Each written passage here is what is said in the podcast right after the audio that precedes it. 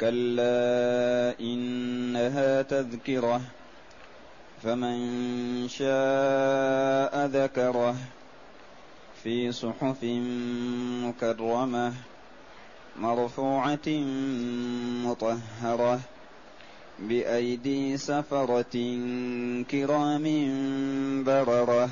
حسبك هذه الآيات الكريمة من سورة عبس. جاءت بعد قوله جل وعلا وأما من استغنى فأنت له تصدى وما عليك ألا يزكى وأما من جاءك يسعى وهو يخشى فأنت عنه تلحى كلا إنها تذكرة فمن شاء ذكره. الآيات. يقول جل وعلا كلا إنها تذكرة. كلا تأتي حرف الردع وزجر. وعبر عنها بعض المفسرين رحمهم الله بذلك في هذه الآية. وتأتي بمعنى حقا.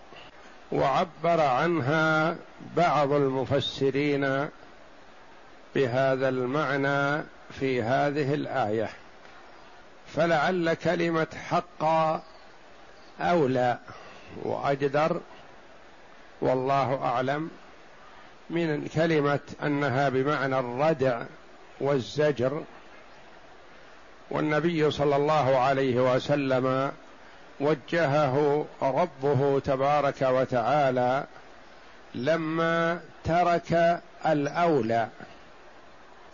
وما أتى صلى الله عليه وسلم بمخالفة وإنما ترك الأولى فالأولى كما وجهه ربه تبارك وتعالى أن ينتبه لمن أقبل إليه وجاء مريدا الفائدة وهو مؤمن وحريص على الهداية ويخشى أن يقع في المعصية فهو أولى من أن ينتبه لإنسان معرض عنه مستغن بماله وجاهه وولده. والنبي صلى الله عليه وسلم عليه البلاغ وقد بلغ وما قصر في بلاغه صلى الله عليه وسلم.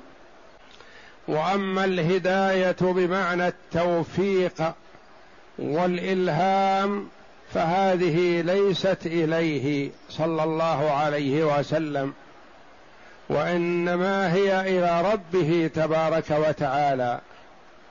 وهو عليه الهداية بمعنى الدلالة والإرشاد.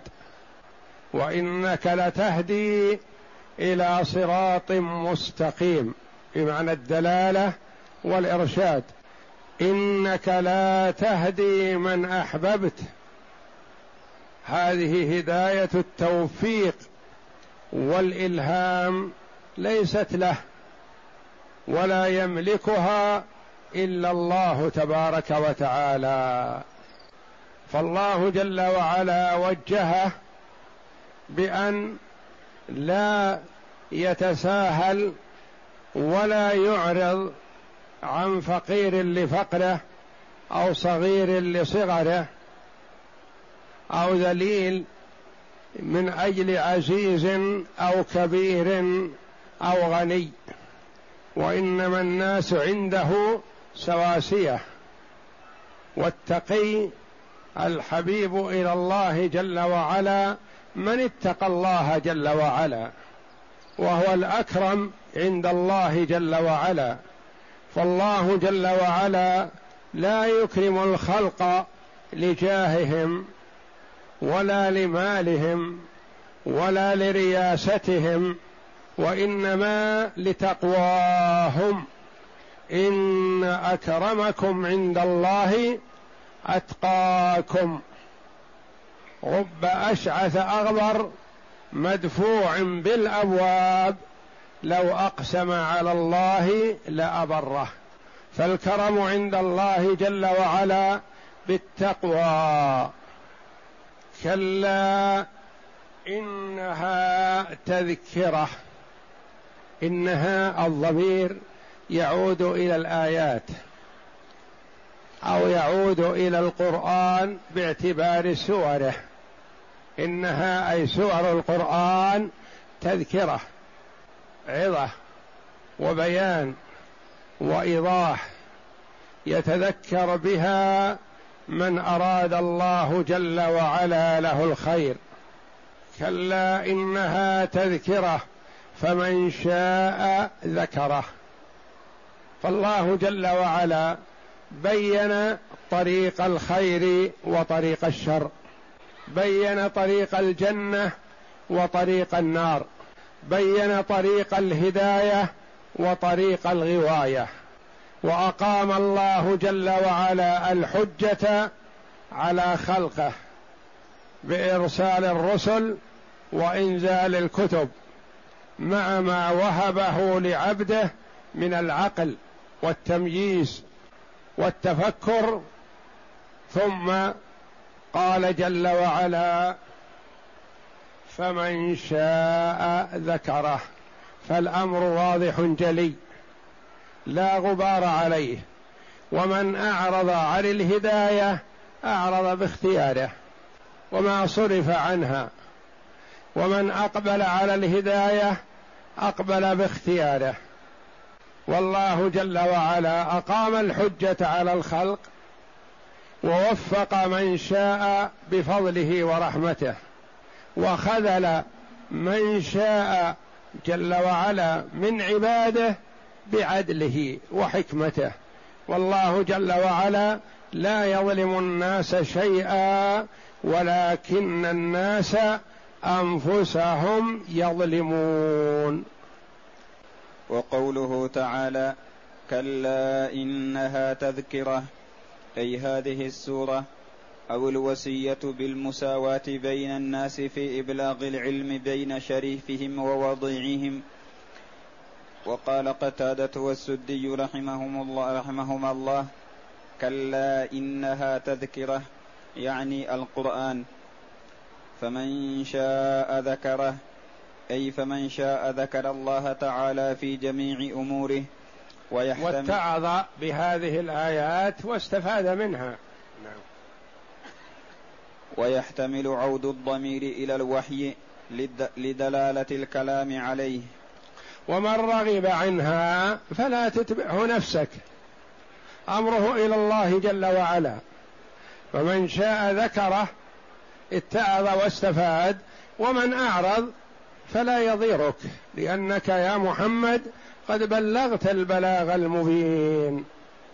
وقوله تعالى في صحف مكرمة. في صحف مكرمة. أي هذه التذكرة وهذه العظة في صحف.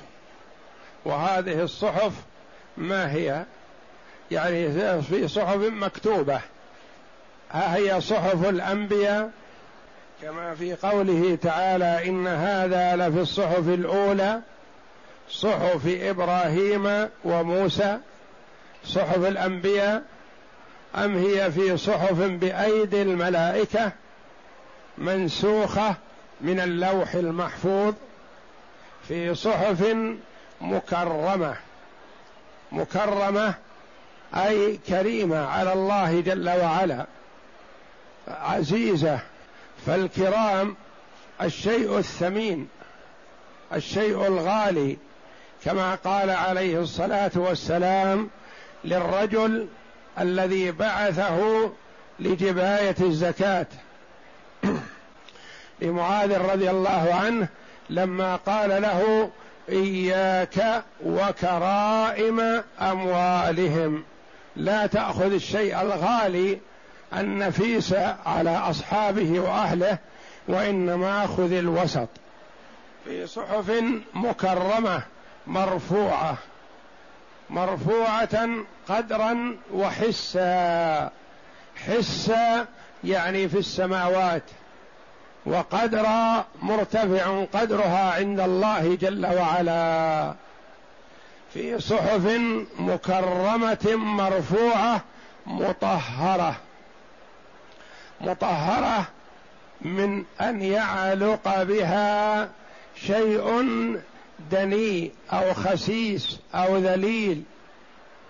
طاهرة ما فيها إلا الخير. في صحف مكرمة مرفوعة مطهرة بأيدي سفرة. سفرة قال ابن عباس رضي الله عنه غير واحد المراد بهم الملائكة.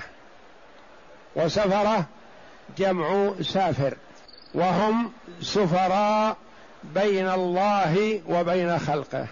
والمراد بهم كما قال ابن عباس الملائكة عليهم الصلاة والسلام. بأيدي سفرة كرام على الله جل وعلا كرام لهم وجاهة وقدر كرام ظاهرا وخلقا. يعني خلقهم جميل عالي يرمق إليه. كما قالت النسوة لما رأوا يوسف عليه السلام ما هذا بشر؟ إن هذا إلا ملك كريم. بأيدي سفرة كرام على الله كرام خلقهم وأخلاقهم كما تقدم فالكريم يطلق على حسن المظهر حسن البدن. يعني أخلاقهم خلقهم حسن وأخلاقهم حسنة.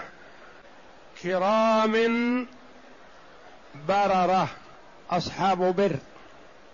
يعملون الخير ولا يعرفون إلى الشر طريقا. وقد قال النبي صلى الله عليه وسلم كما ثبت في الصحيحين عن عائشة رضي الله عنها الماه أن النبي صلى الله عليه وسلم قال الماهر بالقرآن مع السفرة الكرام البررة. والذي يقرأ القرآن وهو عليه شاق له أجران يعني أجر القراءة وأجر المشقة. لكن الماهر فيه مع الملائكة. ولهذا قالوا يستحب لصاحب القرآن أن يتميز بين الناس بالخلق الكريم والآداب الحسنة والطاعة والبر والبعد عن المعصية. والناس يدركون في ذلك. يقال هذا حافظ للقرآن. قالوا لا. هذا ما خلقه خلق الحافظ للقرآن. هذا فيه فسق هذا فيه كذا هذا فيه كذا. فالمفروض في صاحب القرآن أن يتخلق بأخلاق القرآن. ولا يأخذ القرآن ويجعله على جنب ويبتعد عن أخلاقه.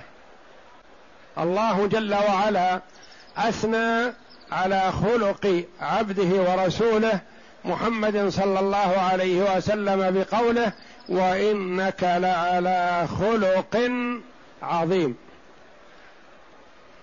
الصحابة رضي الله عنهم وأرضاهم تخلقوا بخلق الرسول صلى الله عليه وسلم وهم أفضل الأمة بعد نبيها رضي الله عنهم وأرضاهم. التابعون رحمهم الله فاتتهم الصحبة فأحبوا أن يأخذوا بأخلاق المصطفى صلى الله عليه وسلم. من أين يأخذونها؟ ما أدركوا النبي صلى الله عليه وسلم. جاءوا إلى أخص الناس برسول الله صلى الله عليه وسلم. إلى أم المؤمنين عائشة رضي الله عنها يسألونها ما هو خلق رسول الله صلى الله عليه وسلم الذي أثنى عليه به ربه؟ قالت رضي الله عنها كلمة قصيرة. اللفظ كثيرة المعنى كان خلقه القرآن. القرآن بين أيديكم وهو خلق رسول الله صلى الله عليه وسلم. خلقه القرآن. فمن أراد أن يتخلق بأخلاق النبي صلى الله عليه وسلم وأراد أن يتخلق بأخلاق الملائكة ويكون كواحد منهم مع السفرة الكرام البررة فليتخلق بأخلاق القرآن بين أيدينا. لكن من الناس والعياذ بالله من يقرأ القرآن والقرآن يلعنه. يقرأ القرآن والقرآن يلعنه لأنه ما تخلق بأخلاق القرآن. يقرأ القرآن والقرآن يلعن الكاذبين وهو يكذب ويلعن الظالمين وهو يظلم. فليحذر المرء أن يكون ممن يقرأ القرآن والقرآن يلعنه.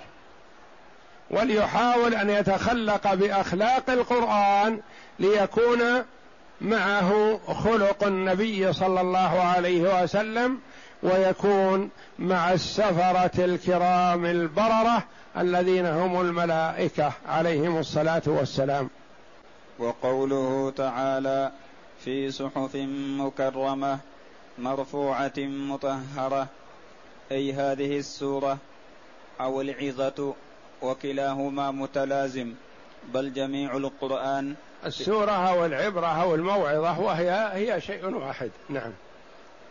في صحف مكرمة أي معظمة موقرة مرفوعة أي عالية القدر. مرفوعة قدرا وحسا. قدرا مرفوعة القدر عند الله جل وعلا. وحسا أي أنها في السماوات العلى مطهرة أي من الدنس والزيادة والنقص. وقوله تعالى بأيدي سفرة قال ابن عباس رضي الله عنهما ومجاهد والضحاك وابن زيد رحمهم الله هي الملائكة. هم الملائكة. وقيل هم أصحاب رسول الله صلى الله عليه وسلم وقيل هم القراء يعني من يقرأ القرآن حقا. نعم.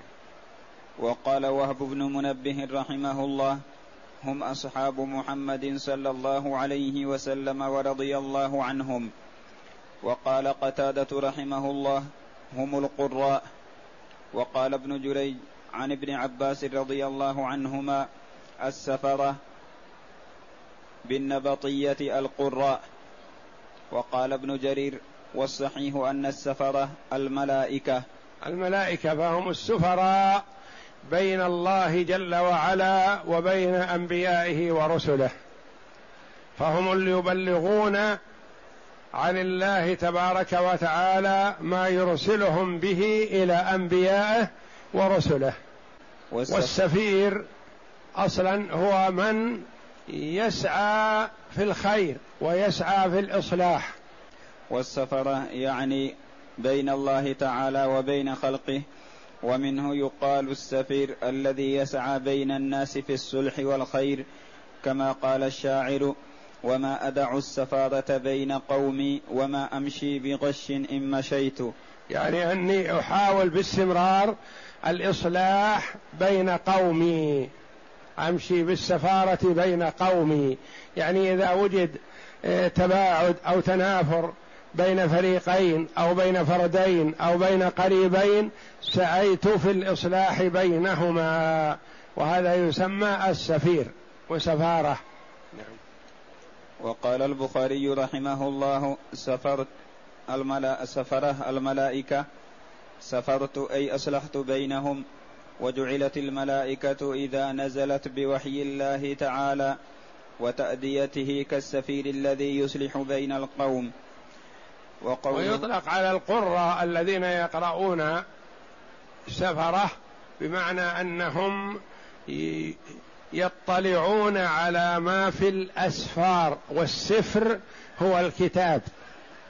يعني يطلعون ويقرؤون ما في الكتب. والإسفار هو الإظهار والبيان. يقال مثلا أسفر الصبح يعني ظهر وبان.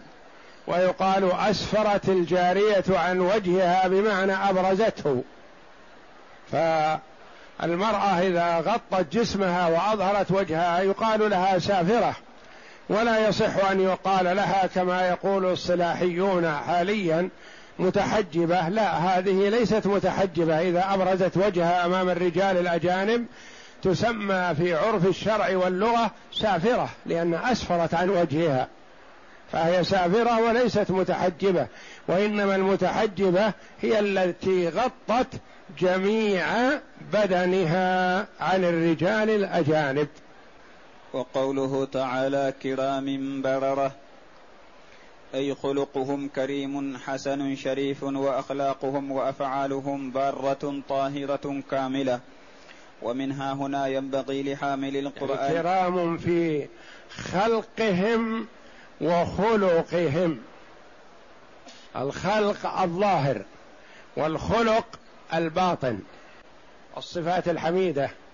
نعم ومنها هنا ينبغي لحامل القرآن أن يكون في أفعاله وأقواله على السداد والرشاد. أخرج الإمام أحمد رحمه الله تعالى من حديث عائشة رضي الله عنها قالت قال رسول الله صلى الله عليه وسلم الذي يقرأ القرآن وهو ماهر به مع السفرة الكرام البررة والذي يقرأه وهو عليه شاق له أجران أخرجه الجماعة من طريق قتادة به. له أجران أجر القراءة وأجر المشقة. وفي رواية وهو يتعتع فيه. له أجران أجر القراءة وأجر المشقة. وذاك أفضل منه مع السفرة الكرام البررة. والله أعلم. وصلى الله وسلم وبارك على عبد ورسول نبينا محمد وعلى آله وصحبه أجمعين.